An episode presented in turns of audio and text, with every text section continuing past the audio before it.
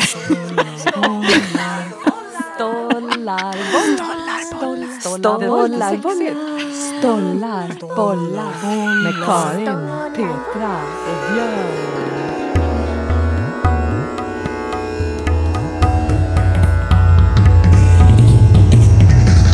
Stollar, bollar.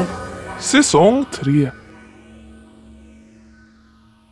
Hej Karin, Hej Petra! hur mår du? Jo men, eh, jag mår fint. Hur mår du själv? Jag mår bra. Visst har du varit på kurs hos en intimitetskoordinator? Koordinator. En intimitetskoordinator. Vad är det? Under de eh, två senaste dagarna så har jag varit på en kurs på Kulturakademin och det är Sveriges första intimitetskoordinator som hade den kursen, Malin B Eriksson. Och det hon jobbar med det är att eh, koordinera ungefär som en stuntkoordinator intima scener för, eh, för film, tv-scen. Och med intima scener så det är ofta sexscener, det kan vara eh, striptease, eh, men det kan också vara eh, ömma scener men där det är mycket hud mot hud. Alltså scener där, där man släpper in någon innanför sitt fysiska revir. Och det här, det skulle jag jättegärna prata, prata mer om. Jag tycker att vi typ eh, gör det nästa gång. Okej.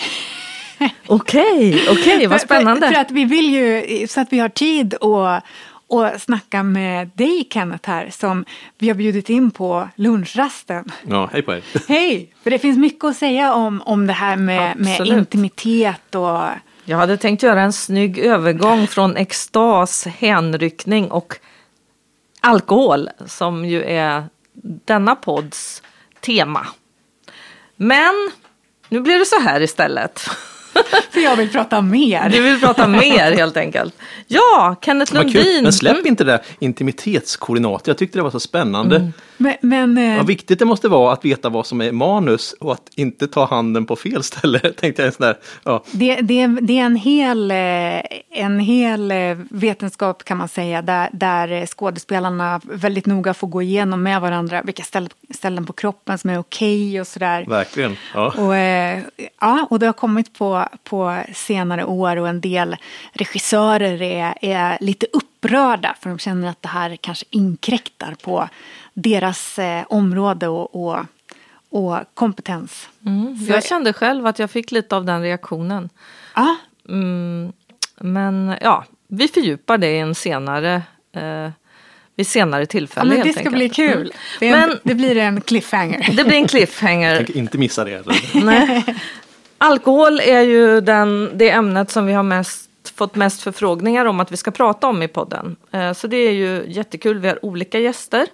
Eh, Kenneth Lundin har varit med förut här i podden och på Trixter på våran teater när vi hade den och i alla möjliga sammanhang känns det som vi... Mm, ja. vi Ja, men Kenneth känns lite grann som vårt Wikipedia. vårat biologiska Wikipedia. biologiska, precis, det var bra. Ja, Bra korrigering. Ja. Ja. Men berätta lite Kenneth. eh, Vad, vad fick dig eh, att tänka på alkohol? Det var lite grann så att vi håller ju på att att renovera Naturhistoriska museet nu. Under Corona passar man på då. Och en, en del av det som, som vi håller på med är, är människoutställningen. Det finns ju en människans anatomi men ska vi ha människans evolution eh, och ursprung för att nu får vi med evolutionen. Eh, Det har man inte haft med så mycket förut men vi har fått med det i valsalen vi gjort om. Och då Vad började jag titta på de här eh, just grundläggande sakerna som gör oss till människa. Vad, vad, är, det som är, vad är det som är djupt människor? Vad är, vad är det som vi har fått med oss? Ehm, vad är det som är intelligens? Eh, vad är det som är empati? Allt, alla de här aspekterna. Och så har det uppmärksammats ganska mycket med alkohol. Så jag tycker det är intressant för det är så, det är så djupt i vår kultur. Det ligger så djupt att, och så har man den här mörka sidan av alkohol som vi alla har drabbats av. Även jag personligen så här förstås. Eh, så har den sig så positiv. Och så fort, så fort det är fest så ska det liksom alkoholen vara med. Och i religiösa sammanhang, symbol, så ska liksom det vara, det vara någon som styr det här, alkoholen. Så är det ju ofta med droger att det i kulturen, att det styr, det, det kontrolleras på något vis. Precis, eller ja, ritualiseras Mm. på olika sätt. Mm. Ehm, Men jag kan titta på det i ett bio- biologiskt perspektiv och, och se på alla djur. Vad, vad ligger det, vad kommer det här ifrån? Ja, för är det inte också så att eh, olika folkslag på, på jorden har, har liksom olika tolerans? Att det finns vissa platser där människor är mycket mer känsliga och reagerar starkare på alkohol? Ja, de, de påstår det i alla fall, att, att, att det kan vara så. Eh, Men vi alla, alla vi människor har, har, har, en otroligt hög förmåga att bryta ner alkohol. Upp till 40 gånger mer än, än typ en älg. så, så älgar kan, de, de, de behöver inte äta så många jästa äpplen så kan de bli på kanelen och bli farliga. Eh, och varför är det så här? Ehm, då är det så att man, man har tittat på, när man tittar på genetiken går ju framåt. Och då finns det en, en gen för, eh, som heter och, och, al, alkoholdehydrogenas 4. Heter den. Och den bryter ner alkohol. Och ehm, Det var något som vi fick en fördubbling av den och fler fördubbling. Började först för 10 miljoner år sedan. Det är ju långt tillbaka det är Eh, länge sedan. ganska länge. Eh, och så kommer lite senare när vi skilde oss från schimpanserna för fem miljoner år sedan. Men vad man teoretiserar då, varför skulle vi ha så mycket mer, att det fanns något urval, någon fördel att kunna ha fler av den här, den funkar ordentligt. Däremot djur som inte har det här, varför kommer det sig? Och då är kopplingen till att eh, frukt som jäser det alltså det, det är det är jäst i det där som tillverkar alkohol för att ha frukten för sig själv. Ehm, men om man kan äta den där och in, utan att bli alkoholskadad så, så får man tillgång till, till mat som är lätt att bryta ner och, och som är antibakteriell. Så du får snabbt näring. Så att idén är då, ehm, det kallas för the drunken monkey theory. Att en apan som hoppar ner på, på på, på djungelgolvet där jag började äta jäst frukt och sen så har man haft en utslagning där men några som tål det här de klarar sig bra. Fick mycket mat, fick fler ungar. Det blev en, en, en, en, en egenskap som man ärvde. Och då har vi alltså tillgång till mat och det är till och med sådana som har sett att an, spekulera att det var därför vi gick ner från träden. Delvis för att komma åt den jästa frukten, för att komma åt alkoholen. Så då blir det så att den är hardwired i, vår, i, i våra gener, i våra hjärnor. Vi ska ha alkoholen för att den, den har ju också fördelar i och med att den frisätter serotonin eh, som man mår bra av. Som är en signalsubstans. Eh, endorfiner som man mår bra av i lagom mängd. Eh, så att vi kan ha det med där. Och, och sen säga den här balansen med lagom. Ja, och, och just det här är, är vatten som in, innehöll alkohol. Att, eh, att eh, det är också att det, det var så mycket bakterier i vattnet. Så Ja, de som Nu drack vi, nu öl, spolar vi liksom, framåt. Det, Oj, nu är vi så, så kommer vi fram så här. Nu är vi här. Ja, det är 12 000 eller kanske medeltiden. Jo, men länge var det så här att att, eh, att man, man, man, för att bo i städer, för att många människor ska bo ihop i ett samhälle, va? då blir det ofta svårt med sani- sanitet. Va? Och eh, vattnet blir ofta dåligt. Men öl med lite alkoholhalt, det blir då eh, det är antibakteriellt, så det håller sig bättre.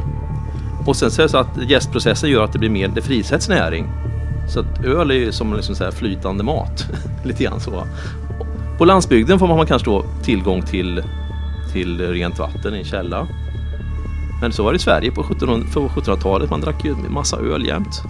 Och det har kommit en långt tidigare, för 12 000 år sedan, när vi, när vi blev bofasta. Och då har man ju sett um, de här gamla, gamla bosättningarna i Turkiet. Att det finns vid ingången av husen, då, så finns det liksom, eh, liksom behållare där man antagligen bryggde öl. Skulle kunna ha varit i djurmat kanske, men det är mycket troligt att det var för att man skulle brygga öl. Och en del har också gått så långt och sagt att vi blev inte bofasta för att man skulle odla vete, utan för att man skulle brygga öl. och då måste man stanna där och vänta tills det har jäst färdigt.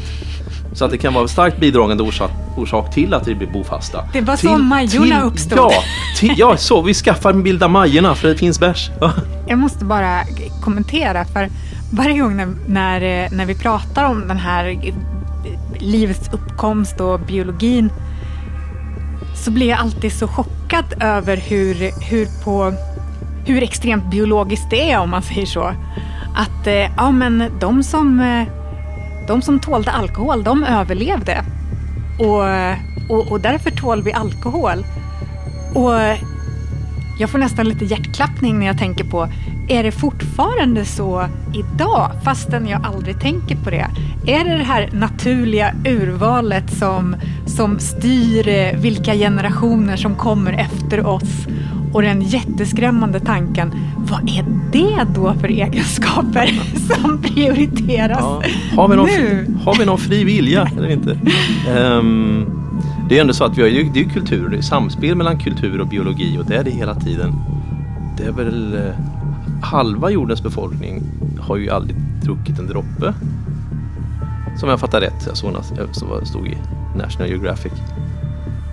Så att då kommer det en, kultur, en kulturstopp där. Ja, nej, håll, avhåll dig från det.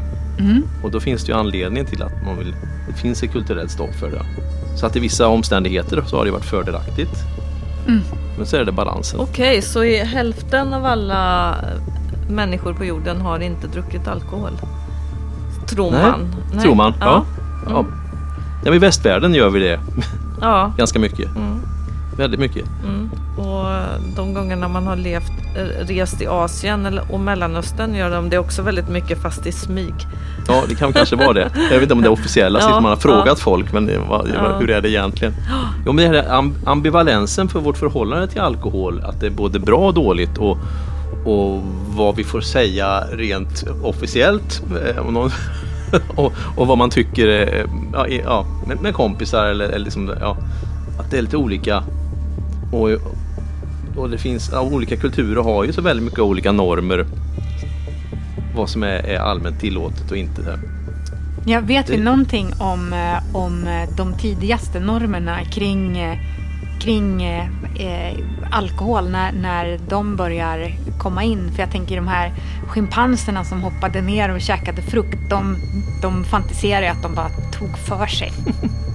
Det finns, jo, det finns eh, eh, i, i, vad det är, Guinea, Västafrika. Det är en slags palm man, man, eh, som innehåller mycket alkohol som man, man tappar på. Man sätter små koppar så rinner det sakta sav. Och så finns det då schimpanser där som, som är där och tar av det här. De har ett litet blad som de skopar upp eh, den här saven och så, och så går de iväg eh, och så blir de berusade. Så, då, då ligger de i gräset på rygg och är bara lyckliga. och så går de dit igen och tar lite så här. Så att det, ser man ju, de, de, de, de har lite grann vår... De, de njuter av det. Att kunna göra det. De, de blir mer och mer som människor. ja, men det kan man känna. Eh, sen sen eh, har man väl inte sett om det är någon som går till, till överstyr där. Men det kanske inte att den, den, den är inte så stark den här. Men jag undrar, alltså jag tänker på själv vad det är som är positivt med alkohol. Eh, och det var ju inte av en slump som eh, när vi har fått förfrågningar om att prata om det, att det kopplas just till hänryckning och eufori. Och jag tror också att det handlar jättemycket om att förlora kontroll. Alltså att vi är så kontrollinriktade och, och man ska leverera och liksom vi är kalenderstyrda, vi ska maximera utnyttjandet av tiden. Alltså vi lever ju en sån tid. Och det är ju motsatsen till ehm, ja, att släppa taget, extas, associativt berättande. Det finns ju också en slags intimitet när man dricker alkohol, att man kan eh, prata, man kan komma nära, det river ner sociala barriärer och sen är det ju det där lurifax eh, av alkohol att dricker man för mycket så får det precis mot, motsatt effekt. Man, man blir kåt men kan inte knulla effekten som jag kallar det. Att, att man liksom, eh, det, det leder eh, och det är ju där, alltså det leder på något vis i fördärvet om man, om man eh, tar för mycket av det. Och, och det är det som gör det så intressant. Sen har vi ju kopplat det också till knutit alkohol så hårt till grejer som vi tycker är positiva. Vi har knutit det jättehårt till, till mat och till att ja, men jag är ledig. Nu behöver jag inte jobba. Jag kan, kan dricka någonting. Jag kan dricka en dry martini och det är som att dricka en lite ande på något sätt.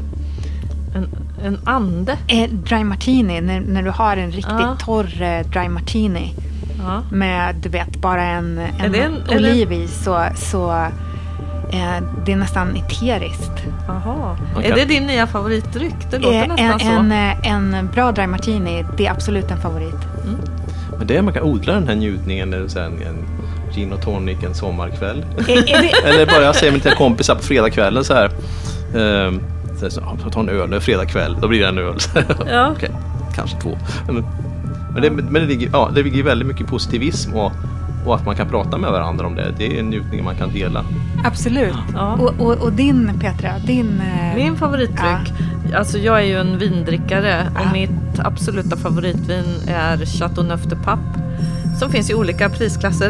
Eh, men alltid ett väldigt, eh, jag, jag sa det med olika prisklasser eftersom folk kan tro att jag är en snobb. Och det vill jag ju absolut inte ska hända. Tror du att de vill sponsra Stolla bollar? Eh, Chateau Pape, I wish! Hoppas de hör det. Får sända i, i Frankrike. Ja, jag har börjat bry- brygga öl hemma. Jaha, Ja. nu kommer det fram. Ja, och för det är så lätt att göra öl som är gott. Ja. I, i, det finns när man köper och, och så, så har man en liten fem liters flaska och sen står det puttrar i källaren. Och då känns det bara, här, här har jag någon sån där koppling till mina rötter. Ja, det, är det så? ja, ja, ja. och ur ja, det är det här som, ja precis. Och, och, och, Mångtusenåriga. och blir det bra? Ja, det blir bra. Ja, Det är lite som att gott. elda. ja precis. Så här, nu ska ja. jag ut och elda i min trädgård och dricka mitt eh, egen Ja, tillverkade min egen, öl. Ja, min egen stout. Sådär, ja. Men, men det du sa förut eh, om att eh, man nästan använde öl som mat då förr i, i de större städerna. mm. Var det så alkoholhaltig öl som det är idag eller, eller var det mer... Eh, Det var nog ganska svagt. Ganska svagt, ja, så Svag man- dricka men så går det väl kanske att, att få upp styrkan. Man- men jag tror att det var inte så starkt. nej. Nej. Innan du går Kenneth, vi har Ja. hört ryktas att du släpper en bok alldeles snart. En väldigt speciell bok. Ja, jag hoppas det kommer igång. Det, förlaget har ju, de har många, det är många som har covid där. Jaha. Sen så kommer det igång. Jo, det är en bok jag håller på om, man kallar för sjömat. Som är lite nytt ord. Eh, och jag, man, grejen är att man ska se till allt man kan äta vid havet som vi inte äter. Mm. För att vi har lite snäv, ja, vi kan vara lite konservativa med sånt. Eh, Det är helt fin- enkelt äckliga grejer i det havet inte som du vara. gör Nej. goda. Ja, Nej? Det finns typ 30 arter av räkor. Men vad äter vi? Vi äter bara en. en sort. Mm. Vi kan äta de andra, de är jättegoda. Men jag vill höra något mer eh, ovanligt. Ovanligt. Ja, Ja, manet kan man mumsa i sig. Ja, Eller nakensnäcka. ja. Man tar rätt sort, kokar upp den. manet, hur, hur tillagar man manet?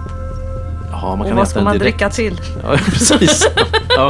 ja, vad ska man ha till den? Ja, en, en IPA. Men vad då? Ja. Hur, hur tillagar man en manet? Ja, den vanliga öronmaneten går inte att tillaga för den bara blir så slafsig så att den får man käka direkt. Eh, Känns som att äta Ja. ektoplasma. Det finns att köpa lite stabbigare maneter som de strimlar och som man legat i marinad. Eh, sjöpung är, är väl något som är finns, eh, börjar komma på marknaden, sjöpungsfond. Man kan äta det direkt. En speciell sort som heter tarmsjöpung för den är lite sladdrig som en tarm. Den växer snabbt. Andra sjöpungsarter är lite beska. Ja, mm. ja tarmsjöpung ikväll. Ja. Älskling, vad har du gjort? Ja. Tarmpung. Men då, då tar man, ja, de har en liten gältarm som det heter. Den äter man så smakar väldigt mycket umami. Jättemycket. Nästa gång vi bjuder in Kenneth till podden då tycker jag vi ska äta något ur hans eh, receptbok. Vad tror ni om det? Ja, Kanske en sjöpungstarm ja, med lite IPA till. ja. Tarmtång finns det också. Man kan komponera något bra där. Mm. Och vad är, vad är din, eh, din egen favorit av den här sjömaten? Det finns så många, jag kan inte välja det Nej. riktigt. Nej. Neptunsnäcka kanske, det var himla god. Det är Ja. Vår största snäcka blir två decimeter. Tar man foten och skivar så tar man den i så här, eh, soja och så. Ja, nu har ju Kenneth Lundin lämnat oss och gått tillbaka till sin eh, arbetsplats som eh, marinbiolog och intendent på Göteborgs naturhistoriska museum. Men jag vet att du Petra, du var i Norrland för inte så länge sedan. Jag var ju det, jag var i Härnösand. Och där gjorde jag en intervju, eller hade ett samtal kan man säga, med Martina Samuelsson. Som vi kan lyssna på här. Alla människor har på något vis ett, en relation till alkohol. Så det ska vi prata lite om. Men Martina, hur, hur skulle du presentera dig själv? Ja, en snart 60-årig kvinna. Eh, ursprungligen stockholmare men har bott här uppe nu i över 35 år i Norrland.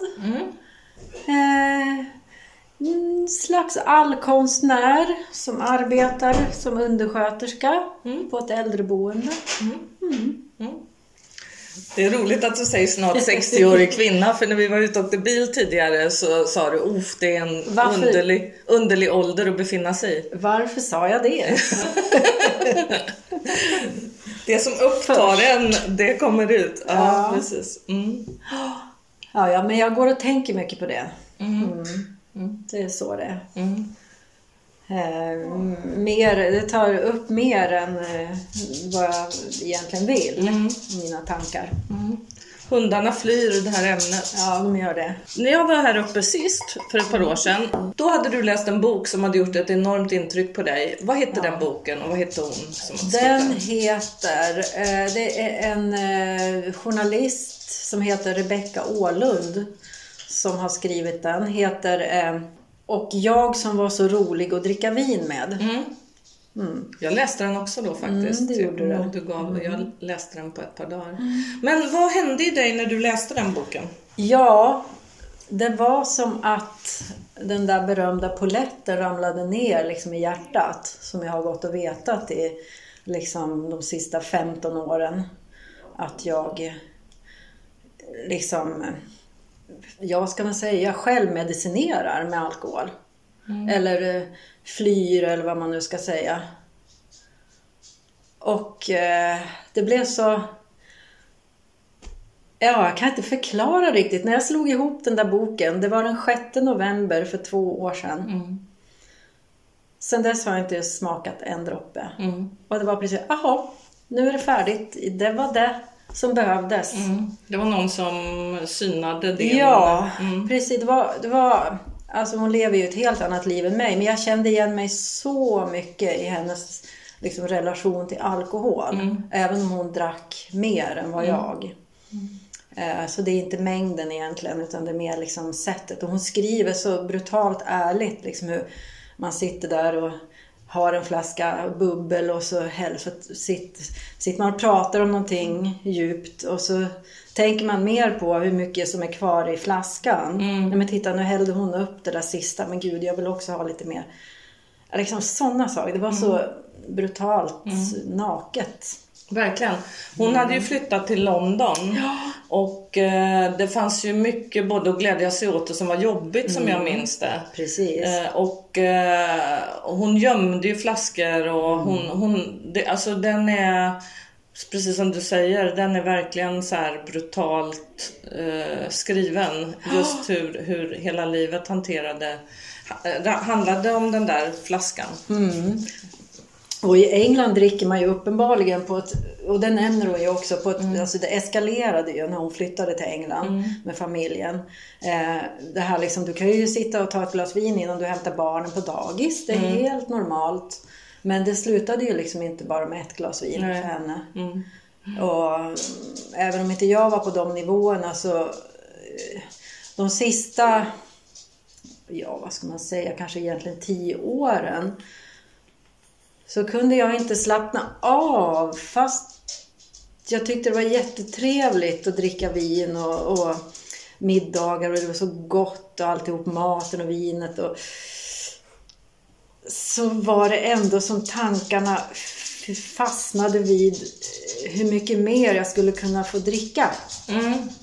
Och då förtar ju allting av den där liksom glädjen i att dricka. Mm. Precis. Ja. Och just det här eh, att eh, man, eh, det är det man ser fram emot. Åh, nu, ska, nu ska vi träffas och umgås. Och det kommer jag ihåg att du, att du beskrev då. Men först så tyck, lurar jag mig också att ja men gud vad trevligt, vi ska äta middag och åh det här vinet är så gott till den här maten. Men, eh, ja men gud varför köpte jag bara en flaska? Jag skulle köpt två, jag skulle köpt tre egentligen. Och liksom, men det, det där, det där växte egentligen med åren. För ska jag se tillbaka för liksom 15 år tillbaks i tiden så Nej, det var nog samma. Fast det egentligen inte, det upptog inte lika mycket av mina tankar. Utan det var som att det tar mer och mer av plats. Så kan man säga. Det var intressant idag när vi åkte bil tidigare. Då sa du att när du slutade dricka så ville du börja skriva. Jag har ju alltid upplevt dig som en otroligt konstnärlig och kreativ person. Du, ju, du jobbar ju mycket med händerna och gör små skulpturer och syr kläder. Och jag menar, du är ju en konstnär på ett plan. Men vad var det tror du som, som hände då när du kände att du fick ett behov att artikulera dig? Ja, det var... Alltså det bara bubblade i mig som kolsyra liksom. Av, Men gud, jag måste få ur mig mina tankar och mina... Alltså det bara ploppade ut ord och tankar i mitt huvud hela tiden och funderingar och... Eh, nu när jag inte bedövade hjärnan heller så blev det ju så klarare och klarare och klarare. Och, och det har faktiskt lugnat ner sig nu. Nu är det ju t- två år sedan drygt då. Sen jag slutade. Och, eh, men första halvåret var det väldigt påtagligt. Jag känner ju många som går i AA som beskriver det där att Ja. eh, det är därför det är så skönt att gå i AA och kunna prata. Mm. Att det här att, att man verkligen får syn på sig själv och, och Precis. artikulerar sig. Och jag tänkte också att jag har, ska jag ta kontakt med AA? För, alltså för, nu ska vi se, det är säkert 20 år sedan nu, så gick jag på lite sådana tolvstegsprogram. Men det var eh, via de här grupperna som heter Vuxna Barn.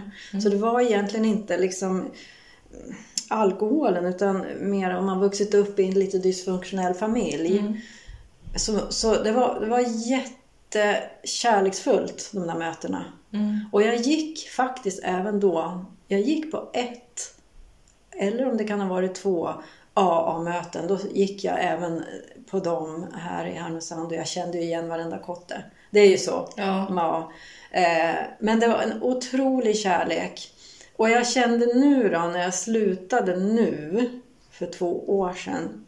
Ska jag gå eller ska jag inte gå? Men jag kom liksom inte iväg helt Nej. enkelt. Och jag vet inte, det är en så liten stad och jag kände att även om det som stannar i väggarna stannar igen mellan de väggarna som är där på mötena. Så, så kände jag ändå att jag... Ja, jag, jag vet faktiskt, för jag skulle nog behövt det.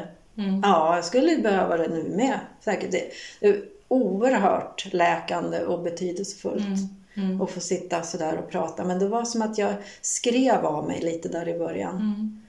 Det finns ju de som blir lika beroende av AA som de var Ja. av eh, det de gick. Alltså Precis. vinet eller spriten eller ruset. Du blir liksom kanske beroende av den där, liksom att få bekräftelse och få känna att man inte är ensam. Det är ju det. För, det, för det, det kände jag mig ensam. Och det gör jag väl lite grann fortfarande. Mm. Man känner sig ensam som den som inte dricker. Mm. Och lite ensam i mina tankar och funderingar och känslor. Runt. Mm. Så visst, absolut. Jag skulle kunna slinka in på ett möte. De, har, de har ju öppna möten någon gång i månaden. Mm. Och i den här stan tror jag det bara är en gång i månaden de har ett öppet möte. Sen har de mer möten, men då är det om du har liksom en, vad heter det nu då? Eh, inte sponsor. Eh, Jo, jo, det kanske heter Mm. sponsor. Så du har en person som du liksom... Men jag känner att nu har det ändå gått så lång tid så att det liksom... ja. Nej men du klarar ju det. Du bestämde ju det. där- Det är så fascinerande det här med igenkänning. Tänker jag på med, med boken. Och jag tänker också, för du, du var ju inte mer alkoholist än att du kunde stanna. Du kanske bara egentligen drack för mycket. Oh ja. Alltså det finns ju de som verkligen inte kan sluta dricka. Eh, och det, det är ju, jag tänker på min moster, hon eh, eh, söp ju ihjäl sig helt enkelt. Eh, och det fanns en slags ehm, eh, för henne, eh, hon, hon är ju en generation äldre än oss. Jag tror att identifikationen som en som dricker för mycket, bara att säga ordet alkoholist. När de sa det till henne, du är alkoholist, du ska in på hem, du ska göra det. Och, och det, det liksom knäckte henne. Själva identiteten av att eh, i våran generation är det ju var och varannan som, som känner att nej, eh, jag, nu, så här mycket vin vill jag inte dricka. Nej. Men, men i den generationen var det så himla skamfyllt så det blir på något vis ett fängelse i sig. Och idag har man ju... Ja men det, det är ju på ett helt annat plan idag. För att jag tror vi är jättemånga som liksom... Jag använder ordet självmedicinera för att jag tycker att det stämmer. Det liksom lugnar ner och det dämpar och ångest eller vad det nu är man dras med.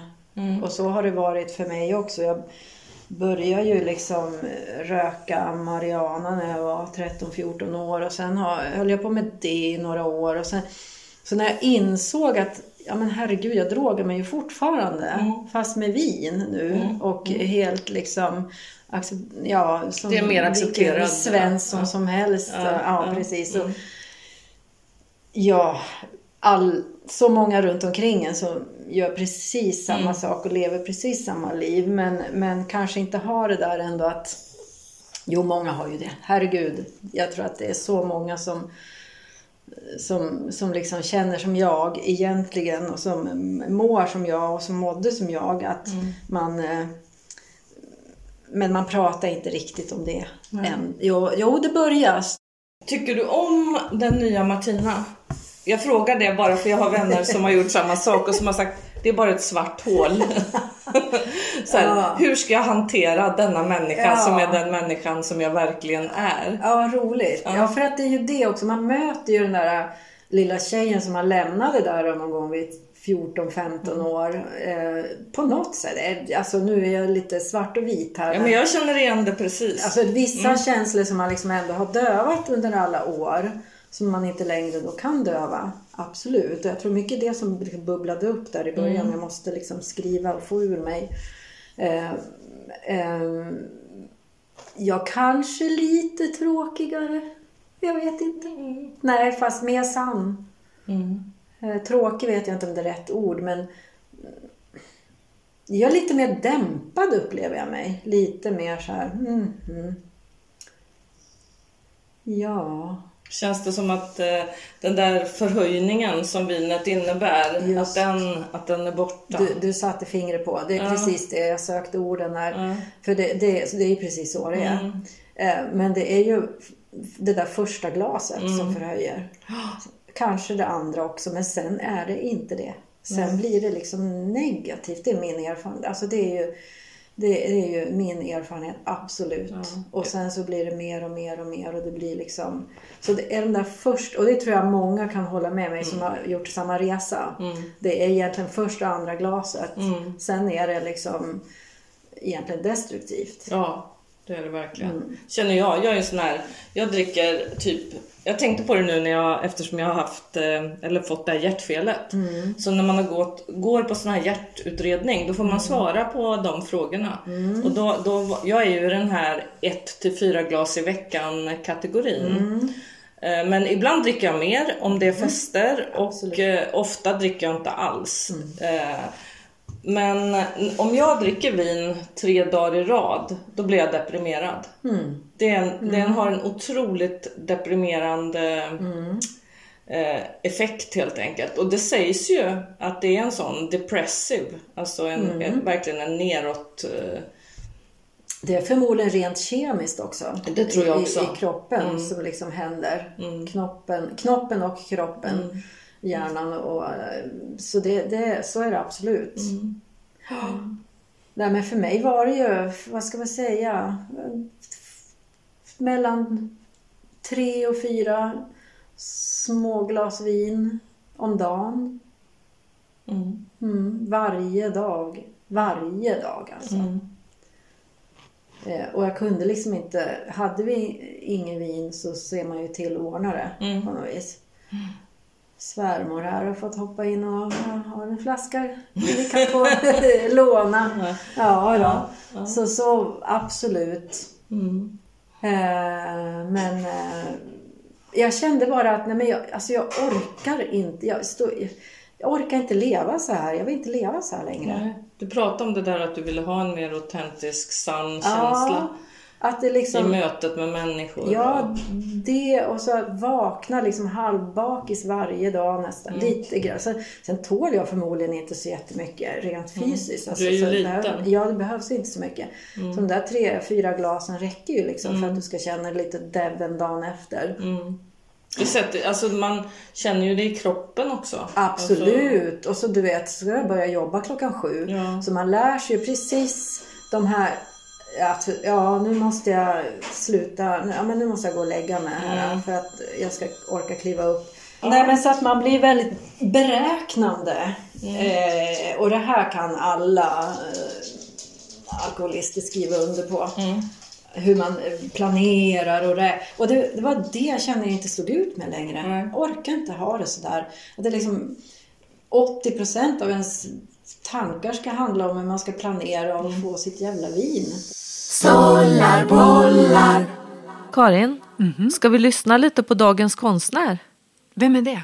Det är Nils Wahlström, Martinas son.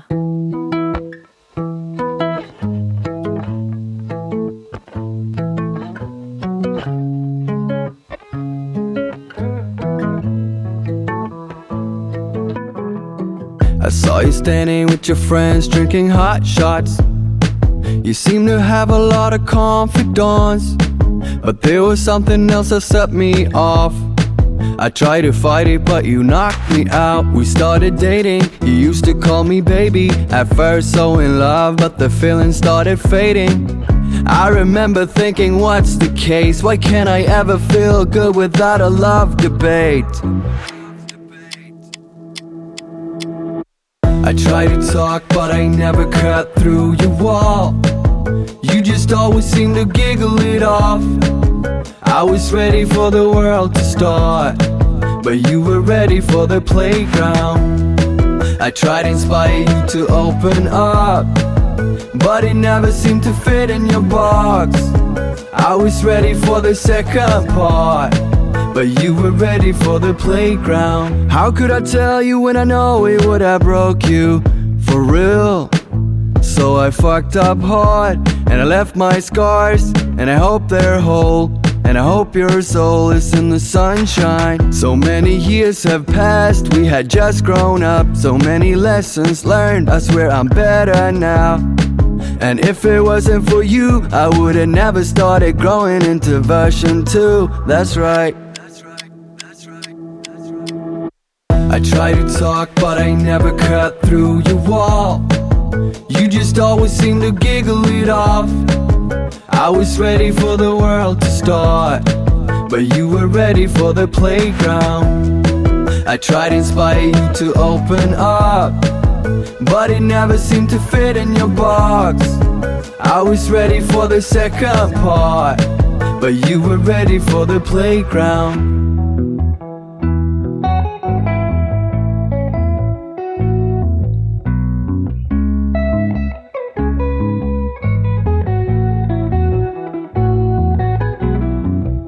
Var intressant att du började med att säga din ålder.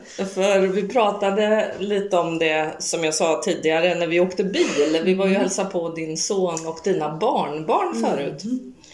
Ehm, och du pratade lite om, om din ålder och att du jobbar inom åldringsvården också. Och att du, det gör att du tänker mycket kring din egen ålder. Hur, hur tänker du? Ja, jag... Eh, De nyktra tankarna. ja, det är så lite, lite paradox för att jag känner mig fysiskt i bättre skick än vad jag gjorde när jag fyllde 50. Nästan 40. Så att jag känner mig... Det är det liksom- den nyk- nykterheten? Det är nog nykterheten. Ja, ja. Och för fysiskt så mår jag jättebra. Och kom igång och började träna och sådär. Och det har du inte gjort förut? Nej, har jag gjort försök. Jag har Ja, lite mm, grann. ja. Men, men nu känner jag att jag vill gå och träna. Att jag liksom längtar efter det. Och det är en helt ny känsla. Det har jag aldrig känt förut. Mm. Nej. Jag känner att jag mår bra av det. Att jag blir starkare. Mm. Det känns jättehärligt. Du ser otroligt fräsch ut. Ja, men tack. Ja, men det, kän, det kanske Mm. lyser att, man, att jag mår bra fysiskt. Nej, men mitt jobb då med... Nu är det faktiskt... Nej, vi har en herre. Annars är det bara damer på min avdelning. Mm. Och de är ju mellan 98 och eh, 76 Mm. I ålder. Och alltså jag får så mycket tankar om hur... Ja, jag fyller 60 som sagt. Och, ja, det är inte liksom ljusår tills man är i samma ålder som hon som är då 76. Så Nu är hon väl li- lite, lite ung för att egentligen bo på ett äldreboende kan jag tycka. Men eh, eh, eh, Ja men det, det är väl liksom någon form av existentiella tankar får bara. Det är ju, vi har gjort ett program som handlar om åldrande. Eh, För det är också ett ämne som eh, många är intresserade av. Ja. Just det här att, eh, vi pratade lite astrologi förut Mm. och om man håller på med astrologi då vet man att mellan varje 28 till 30 år så har man någonting som man kallar Saturnuscykel. Mm. Och det är att Saturnus som står väldigt mycket för struktur, hur man strukturerar sitt liv Mm. och de valen man gör kring sin livsstil. Eh, att de, man, det manifesteras när man är 28 och det, den cykeln tar 30 år helt enkelt. Så när man är mellan 58, 60, 61, lite beroende på hur ens horoskop ser ut, så går man igenom en Saturnuscykel. Och den första Saturnuscykeln när man är 28 till 30, då är det många som skiljer sig, gifter sig, skaffar barn, det finns en slags framåtrörelse. Och sen så lever man väldigt mycket liv som har manifesterat sig. I, man väljer livsväg. Och sen så är det ju en revolution för många människor när de kommer till den där 58-60 år. För man är inte så gammal tror jag som man trodde att man skulle vara. Man känner att det finns mycket liv kvar. Samtidigt som ålderdomen närmar sig. Så, precis. Det, du satte Mm. ord på mina tankar där lite grann. Och sen, eh, ja, väldigt mycket så. Mm. Och, och får se, det två, men jag var ju där 50, 57 Mm. måste jag vara då, 58, eller 57 när jag läste boken här. Och, och ehm, eh, jag kände att jag, jag nu får jag det till mig att, Mm. att få ta kontroll över sitt eget liv. Mm. För jag har nog eh, liksom låtit andra, alltså omständigheter Mm. styra mitt liv. Hela, alltså när jag var ung. Liksom. ja. Att, eh, utom där precis alltså när jag var 28 och Mm. skilde mig. Från, och då tog jag kontroll igen. Mm. Och nu är det 30 år senare, nu tar jag kontroll igen. Det stämmer ju klockrent det där. Mm. Eh, att nej men nu, nu ska jag hålla i tyglarna. Jag, moi, liksom. Ja. Eh, och inte omständigheterna. Nej. Och det är ju också sådär att i den åldern, väldigt ofta så har man ju inte barnen hemma Nej. längre. Man kan göra nya val. Man får sin tid tillbaka. Ja, man får ju det. Och man står där på ruta ett på något vis, eh, som innan man fick barn. Mm. Fast med alla erfarenheter då av att ha barn och familj och alltihopa. Mm. Och jag insåg att jag kunde inte göra det där äh, valet om jag fortsatte att dricka. Mm. Utan jag måste liksom sluta. Och att känna hur det, också att känna hur det känns att leva liksom ett nyktert liv.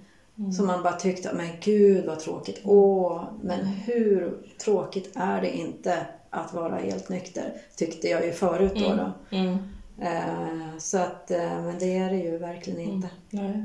Det, är ju, det finns ju sorg i våran ålder som man möter. Alltså, mm, vissa livsval har man gjort och så får man leva med dem. Alltså oavsett vad man gör. Alltså jag har ju själv en ny partner, vi har köpt det här huset i Italien. Jag har ju berättat om både det roliga och det sorgliga med den situationen. och Liksom allting som, som man känner kring det där.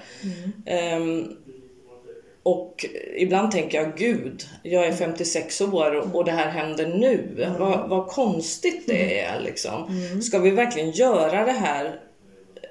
Om, ja, om några år, tänker jag så här, så, så kanske, ja, att då kan vi inte vara där eller, ja, alltså man tänker jättemycket och man tänker, åh, var är barnen och hur kommer kontakten att bli? Och jag menar, det är ju, det är ju jättemycket vilka drömmar har man som man liksom kan eh, förverkliga? Det, det tror jag är... Precis, och medan man fortfarande orkar. Ja, För precis. det är ju det, om, om, om tio år kanske man inte orkar eh, på samma sätt. Nej. Så tror jag många i just våran ålder, Mm. runt liksom i slutet på fem, ja men när man är liksom mellan 55 och 60. Mm. Så är det ju faktiskt när jag tänker efter en del som jag har mött människor som har gjort stora livsval. Ett par här som sålde sitt hus och köpte torp och renoverade upp liksom. Som de bor i nu.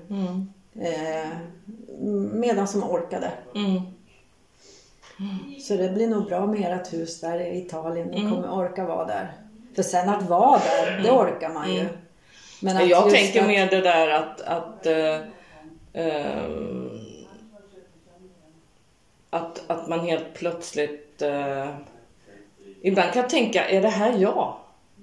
Förstår du? Ja. Jag bor ju liksom, jag bodde ju i en annan lägenhet, du vet en stor lägenhet som jag älskade och identifierade mig med. Ja, och, och sen ändrade vi, eller jag träffade en ny person, Mm. ehm, flyttade till en annan lägenhet och så köpte han det här huset. Och Mm. liksom, ibland kan tänka, är detta jag? Ja. Eller är det här någon annan?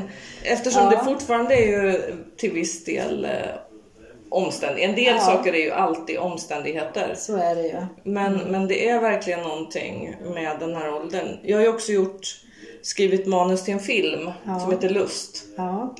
Som handlar om en kvinna, just nu, åldern har skiftat beroende på hur vi diskuterar med finansiärer och sådär. Men just nu är hon 68 år, hon det handlar om. Eh, Och hon förlorar ju sin man och får kåtslag och eh, förlorar sig. Alltså hennes, eh, hennes, det handlar om en sagolik sorgeprocess. För hon tappar sig helt. Alltså hon tappar beskrivningen av vem hon är. Så här har jag alltid varit. Alltså man beskriver sig på ett sätt. Nu är jag på ett helt annat sätt. Alltså det är ju en väldigt märklig grej. Med Absolut. och, och, men jag förstår det där du säger med att du känner dig stark och, och, och fräsch. Att det inte alls stämmer överens. Nej, för det, jag känner igen det där. Är det här jag? För när jag står där på gymmet och, och liksom, men är det här jag? Är det verkligen jag som håller på så här? Man, som jag liksom inte har tittat snett på träningsmänniskor som har liksom gått upp helt i att träna och så. Inte så, absolut inte. Men, men, eh, ja, men lite kanske med ett visst förakt. I threw my bags in the motherfucking trash. I walked into the night holding nothing but my hands. I'm guided by the lights and the wind and the chance. It's like you tossing up that dice just to see where it lands. And imagine a life full of passion. I'm running with the elements and stars they be passing. It's less of possessions, it's less of the stress. All I see is green and the river, God bless you. All I need is seeds and a fish in the flesh. As long as fire's burning by my side, I couldn't care less. Hey, so take that money that you have, stack 'em nice and give those flames on the ash. Cause I'm a runaway. I left it all just to hold my day.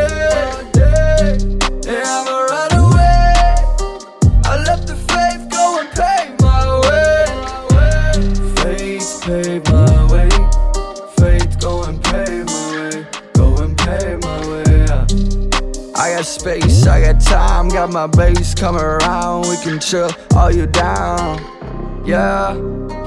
We drinking brews by the fire, and I know that you know that this life's the higher. We could be pursuing any dream that we desire, and I ain't even lying, but real.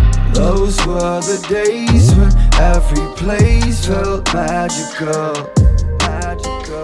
We drifted straight, but I wouldn't change it for the world. No, no, no, no. Cause I wouldn't be here if I didn't do the things that I did back then. Like jumping out the line and letting go of everything. Letting life happen. Letting life happen. Cause I'm a runaway. I left it all just to hold my day. Yeah,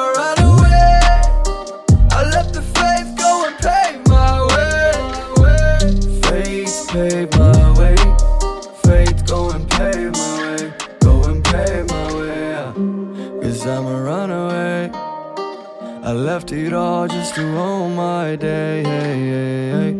I'm a runaway. I let the fate go and pave my way. En fråga till som jag tycker är intressant. Känner du att dina relationer har förändrats efter du slutade dricka? Tänker du relationen med min man? Jag tänker på vem som helst. allihop? Jag har inga... Ja, oh ja, det tycker jag. Mm, hur då? Jag känner mig mer lugn, avslappnad Mm. med, i relationen till mina vänner. Mm. Så kanske jag har varit lite mera på spänn av någon konstig anledning tidigare.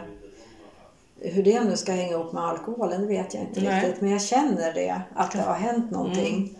Kan ju Jag också vara ett nytt stadium i livet. Att Ja. man känner att ah, men nu ska jag vara autentisk. Ja, att saker jag kanske liksom hakade upp mig på tidigare, men jag bara släppte liksom. Så. Och vad det gäller relationen med min man så vet jag inte om den har förändrats så mycket egentligen. Jo, men han har ju slutat dricka mycket mindre också. Vi drack ju liksom tillsammans. Men ja, jag t- tror mig veta att han är liksom inte alkoholist. Eh, som jag tycker att, eller, som jag förstått att jag är. Alltså det där tycker ju alla så olika om. Men jag tillhör de som tycker att det är en sjukdom som man liksom får genetiskt. Genom eh, både min pappa och min mormor var ju liksom så kallade alkoholister då. Så att jag har ju haft, jag har ju den där liksom att jag måste eh, liksom eh, Ja, som medicinera mig med någonting.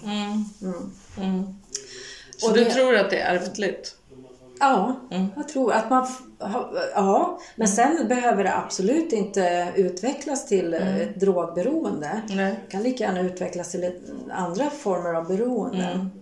Eller eh, det är någonting jag läste för, eller vad som ja. Men någonting som jag läste för många, många år sedan men som liksom har fastnat det är eh, när man började prata om den här genteorin då Mm. med missbruk och så att eh, så kan det även utvecklas till att man blir en sån här extremsportare som ska liksom klättra i berg. Det är den här kicken Mm. du vill ha liksom.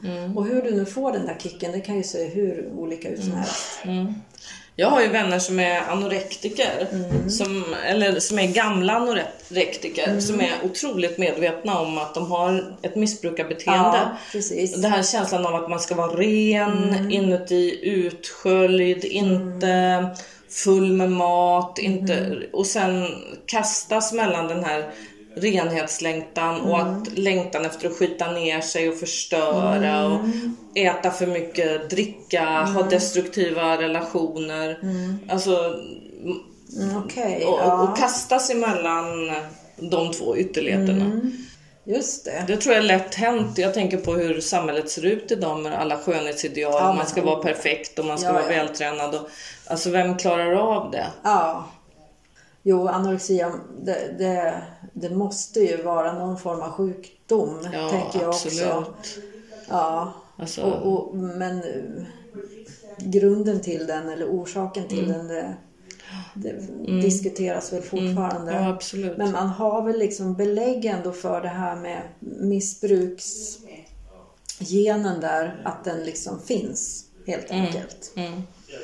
Många som jag känner som dricker, jag, jag pratade med min moster om det. Jag kommer Mm. fortfarande ihåg sista gången som jag köpte en flaska vin som vi delade på. Ja. Innan det var liksom, nej det går inte. Ja. För ibl- länge så tänkte man att ja men det går, vi, vi köper lite räkor Mm. Ja. och, och, och, och vi, eh, vi drack. Och då frågade jag henne. Mm. Då kommer jag ihåg, det enda gången som jag pratade med hennes om hennes alkoholism utan att tänka på det som Mm. en sjukdom. Utan varför vill du dricka så? För hon, hon hade haft sådana perioder. Ja. Och då svarade hon att ehm, hon... Eh, hon, ehm, ja, hon kände sig helt enkelt mycket bättre som människa. Hon, jag ska inte säga att, ja, en slags hybris eller en slags... Och jag upplevde det som att hon tyckte att hon var mycket bättre än alla andra då. För det är enda gången som jag har hört henne riktigt helt enkelt snacka skit om folk. Okej. Att det blev någon slags kompensation. Kompensationsbeteende. På ett sätt som... Eh, ja, det sa ju väldigt mycket om hur hon egentligen kände sig. Just det. Men det, det, det, det är den där gammeldags alkoholisten på Ja. något sätt. Sen känner man ju, om man umgås mycket med konstnärer som jag gör, alltså alkohol i de kretsarna när vi drev Trickster och sådär. Nu gör ju inte jag alls det längre. Men baren var liksom alltid öppen och den här känslan att vara Ja, det, det, det blev så enkelt, alltså alla drack vin och, och, och man söker det där förhöjda mötet. Absolut. Eh, alltid liksom. Det här u- larger than life, liksom vardagen är, eh, räcker inte. Nej. Och Det kommer jag ihåg, jag dejtade ju eh, en man innan jag dejtade den här mannen. Som eh, hade en lång historia som kokainberoende och också sen alkoholist. Och, och jag kommer ihåg en gång när vi badade nakna på natten. Det var otroligt vackert på kusten. Och vi var ute och jag tänkte Fan vad det här är magiskt. Eh, det var en fantastisk kväll. Och då så sa han, när jag sa det, då sa han Ja men då har du aldrig testat bra koks. liksom, han menade på, trots att det var en stjärnklar himmel, Ja. vi var i havet, du vet. eh, Vi hade grillat, du vet, allting var Ja. väldigt, en, ett väldigt vackert Ja. ögonblick. Så, så han kunde inte låta bli att säga det. Att det här är ingenting i jämförelse med liksom den Kokain. förhöjningen.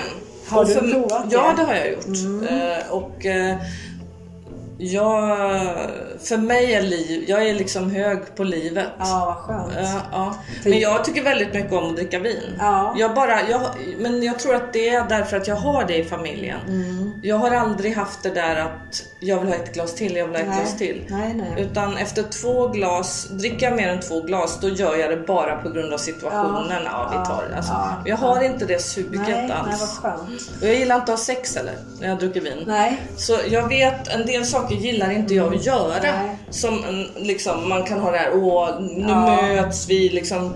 För mig är liksom vin och sex, det är nästan motsatsen. För när man var yngre så var, kunde det ju vara en förhöjare Mm. även då Ja, sexuellt. Men jag känner igen det klockrent Mm. också. Det, det, det blir tvärtom. ja, man blir lite därför. såsig man liksom. såsig. Däven. Man Ja. känner inte, kroppen känner inte lika mycket. Den Nej. är inte lika Nej. mottaglig och Precis. känslig. Nej, precis. Och, eh, alltså Det är jag- svårare att komma helt enkelt. ja, precis. Exakt. Ja.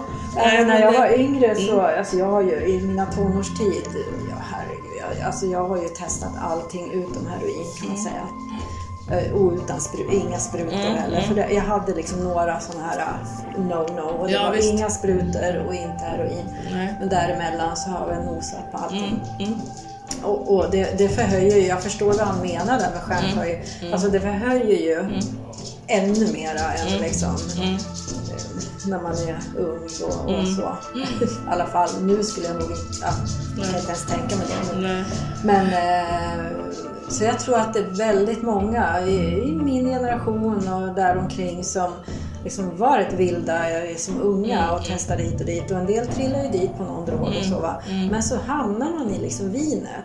Det är liksom det. Mm. Det är socialt accepterat. Absolut, men lik förbannat en liten Ja. livsförhöjare och drog om du vill kalla det det. Eh, ja, jag kan tänka lite så här också. Att, ja, när jag blir sådär 85, om jag nu blir det.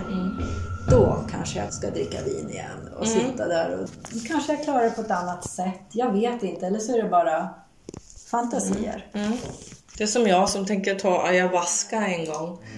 Eh, som är den här när man får syn på Gud. Ja, just det. Eh, Som, men jag, jag vill göra det en gång, men jag vill göra det under ledning av såna här schamaner. Ja, det ska man väl göra Ja, också. Det- inte sitta och Jag, liksom... tror, jag tror det kan vara rent farligt att göra det. Du måste ha någon som leder dig igenom det. Ja, ja.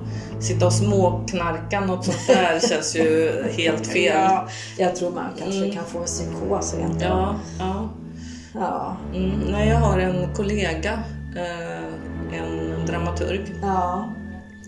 Hon eh, var sådär enormt högpresterande. Jätteduktig analytiker av tv-serier och sådär. Och hon gjorde en sån eh, schamanresa.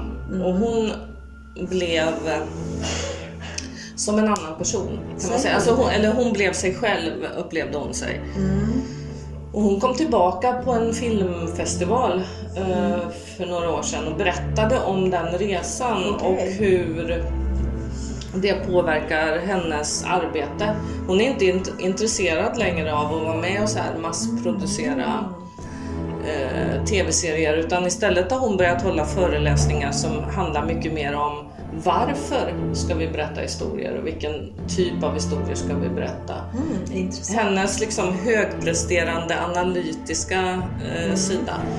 Eh, Tatjana heter hon, Andersson. Hon har bytt nu till sitt eh, flicknamn.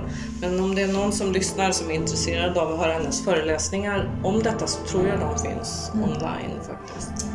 Just. Eh, Men det var väldigt intressant när hon kom och berättade om den här totala eh, själs, själsliga förändringen Och det hände gick när hon gjorde den där Eh, shamanresan. Ja, precis. Med den där drogen. Ja, jag, jag tror att för henne var drogen inte alls så viktig utan hon, hon gjorde allt. Hon åkte ner till bergen. Eh, jag tror att hon var i Guatemala men jag är inte hundra på det. Men och, och var med en shaman och gjorde, alltså man klär av sig sin persona. Den, den yttre bilden av sig själv och bara letar sig tillbaka till sitt innersta väsen. Eh, och, och använder ju, alltså om man, ja, det är, jag kan nästan inte kalla det för droger utan man använder de här örterna och vad det nu... Men det skalar väl av förmodligen. Ja, örterna Mm, eller drogerna.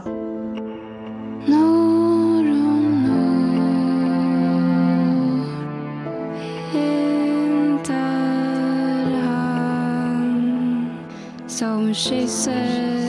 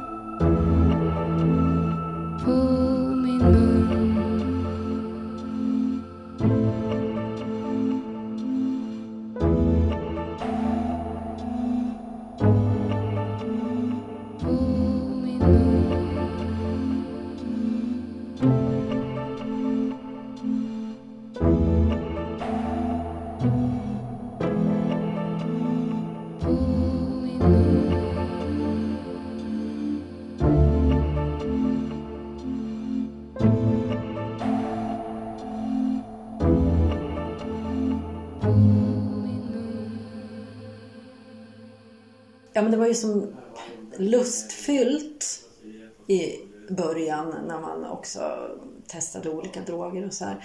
Och sen så rökte jag ju i några år lite och vart så där, liksom till slut vart det liksom negativt. Alltså det vart bara ångest över alltihopa. Jag kunde, hade jag rökt och skulle gå ut och handla så mådde jag dåligt. För jag tyckte varenda kotte såg att jag var liksom påverkad. Eh, och, och lite så har jag upplevt de sista åren eh, med liksom alkoholen också. Att, ja men du vet, vi ska gå på teater, så träffas vi och äter middag och två, ja, vi och våra vänner då, och så dricker vi lite vin och ska... Och jag bara kände att, nej men, alltså jag, när jag blev lite berusad liksom av vinet så var, blev folkskygg. Vill inte vara... Medan när man var ung så var det tvärtom. Då var det liksom en social drog. Ja visst, Så jag- paranoian. Ja, parano- Så att jag kände igen det där från mina år då när jag var ung och rökte. Att det liksom, men gud, känner jag så här nu? Har jag blivit folkskygg liksom, när jag tagit något glas vin? Jag vet, alltså, ja, jag kan inte riktigt förklara varför det men det bara kändes så. Och det så, så jag, jag känner ju en stor befrielse. Det känns som att jag är fri. Riktigt fri. På riktigt nu. Utan liksom... Nu är det bara mina egna liksom, tankar och... Nu är det bara du Nu är det kvar. bara jag kvar och det är ju inte bara bara. Ja, det var allt för dagens podd. Vi tackar gästerna Martina Samuelsson, Nils Wahlström, Kenneth Lundin. Ja, musiken den stod som vanligt Björn Knutsson för, det som inte är Nils Wahlströms. Och även sång av Raquel Kent. Just det. Vet du vad jag ska göra nu? Eh, Berätta. Jag ska åka till Polen. Till Polen, vad har- ska du göra där? Jag ska hälsa på min son och hans flickvän Alexandra. Jack och Alexandra. Men jag tänkte faktiskt göra lite poddinslag därifrån därför att jag har otroligt mycket fördomar om Polen. Jag tänker krig, koncentrationsläger, vodka, liksom någon slags bufflig konstig stämning, underlig högerregering, eh, kvinnofientligt. Alltså min bild av Polen är inte den mest lysande och positiva. Det här kommer bli ett intressant möte, det hörs ju. Då ska vi också prata om din erfarenhet av den här intimitetskoordinatorn lite mera. Jag tror det blir ett jättespännande avsnitt så lyssna gärna på oss eh, nästa episod om två veckor. Hej då!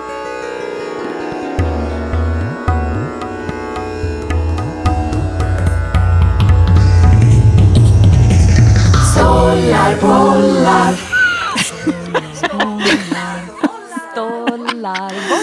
stollar, stollar, stollar, bollar. Med Karin, Petra och Björn.